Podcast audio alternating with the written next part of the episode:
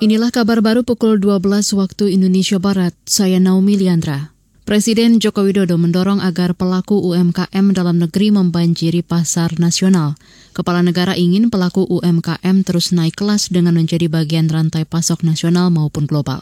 Itu disampaikan Presiden saat membuka Rakornas Transformasi Digital dan pendataan lengkap koperasi dan UMKM Senin pagi. Kita tidak boleh hanya menjadi penonton di tengah masifnya aktivitas perdagangan digital.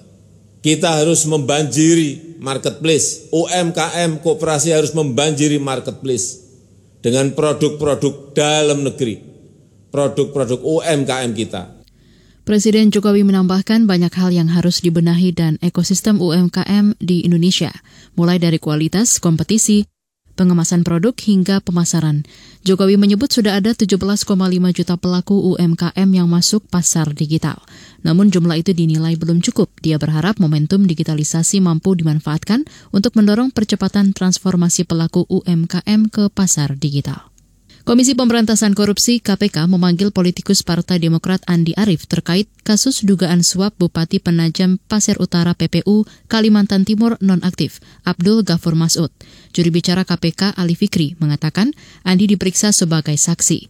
Ali belum merinci apa keterkaitan politikus Demokrat dalam kasus ini.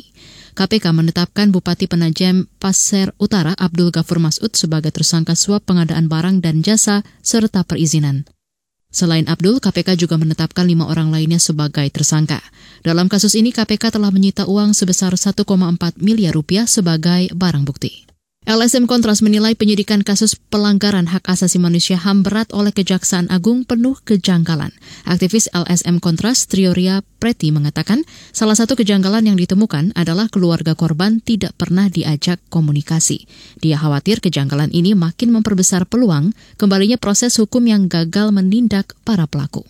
Yaitu bahwa uh, tim ini uh, tertutup, uh, satu update tertutup dan yang kedua juga tim ini tidak memasukkan unsur masyarakat sipil di dalam penyidikan uh, di dalam tim penyidiknya. Meskipun hal itu sebenarnya dimungkinkan di dalam undang-undang pengadilan HAM bahwa ada uh, unsur penyidik dari masyarakat di dalam di dalam tim penyidik yang dibentuk itu begitu. Aktivis LSM Kontras Trioria Preti menambahkan pembentukan tim penyidikan umum juga patut dipertanyakan, sebab menurutnya definisi penyidikan umum tidak pernah ada hukum acara pidana maupun pengadilan HAM. Dia menyebut telah mengirim surat ke Kejaksaan Agung untuk menanyakan maksud pembentukan tim itu. Namun hingga kini tidak ada penjelasan dari Kejaksaan. Kejaksaan Agung membentuk tim penyidikan umum kasus HAM berat Paniai sejak 4 Desember 2021.